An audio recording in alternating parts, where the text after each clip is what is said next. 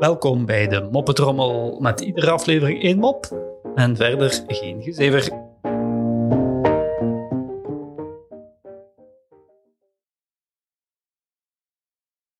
Een man stapt een saloon binnen in het Wilde Westen.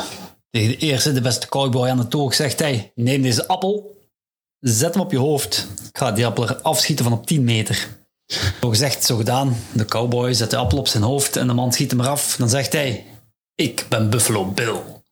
Iedereen in de saloon is onder de indruk: wow, de enige echte Buffalo Bill in een salon.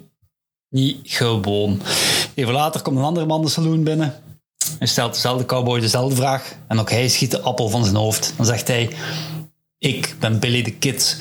Iedereen is opnieuw zwaar onder de indruk. Dus wanneer een derde man de saloon binnenstapt en dan dezelfde cowboy dat dezelfde vraag stelt, vraagt de hele saloon zich af: welke beroemde schurk zou dit nu weer zijn? De man gaat op 10 meter afstand van de cowboy staan, richt en schiet de cowboy recht door zijn voorhoofd. Terwijl hij naar de deuropening rent, zegt hij: Ik ben er vandoor.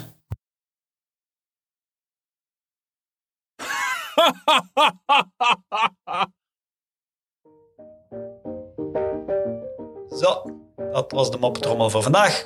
En tot morgen.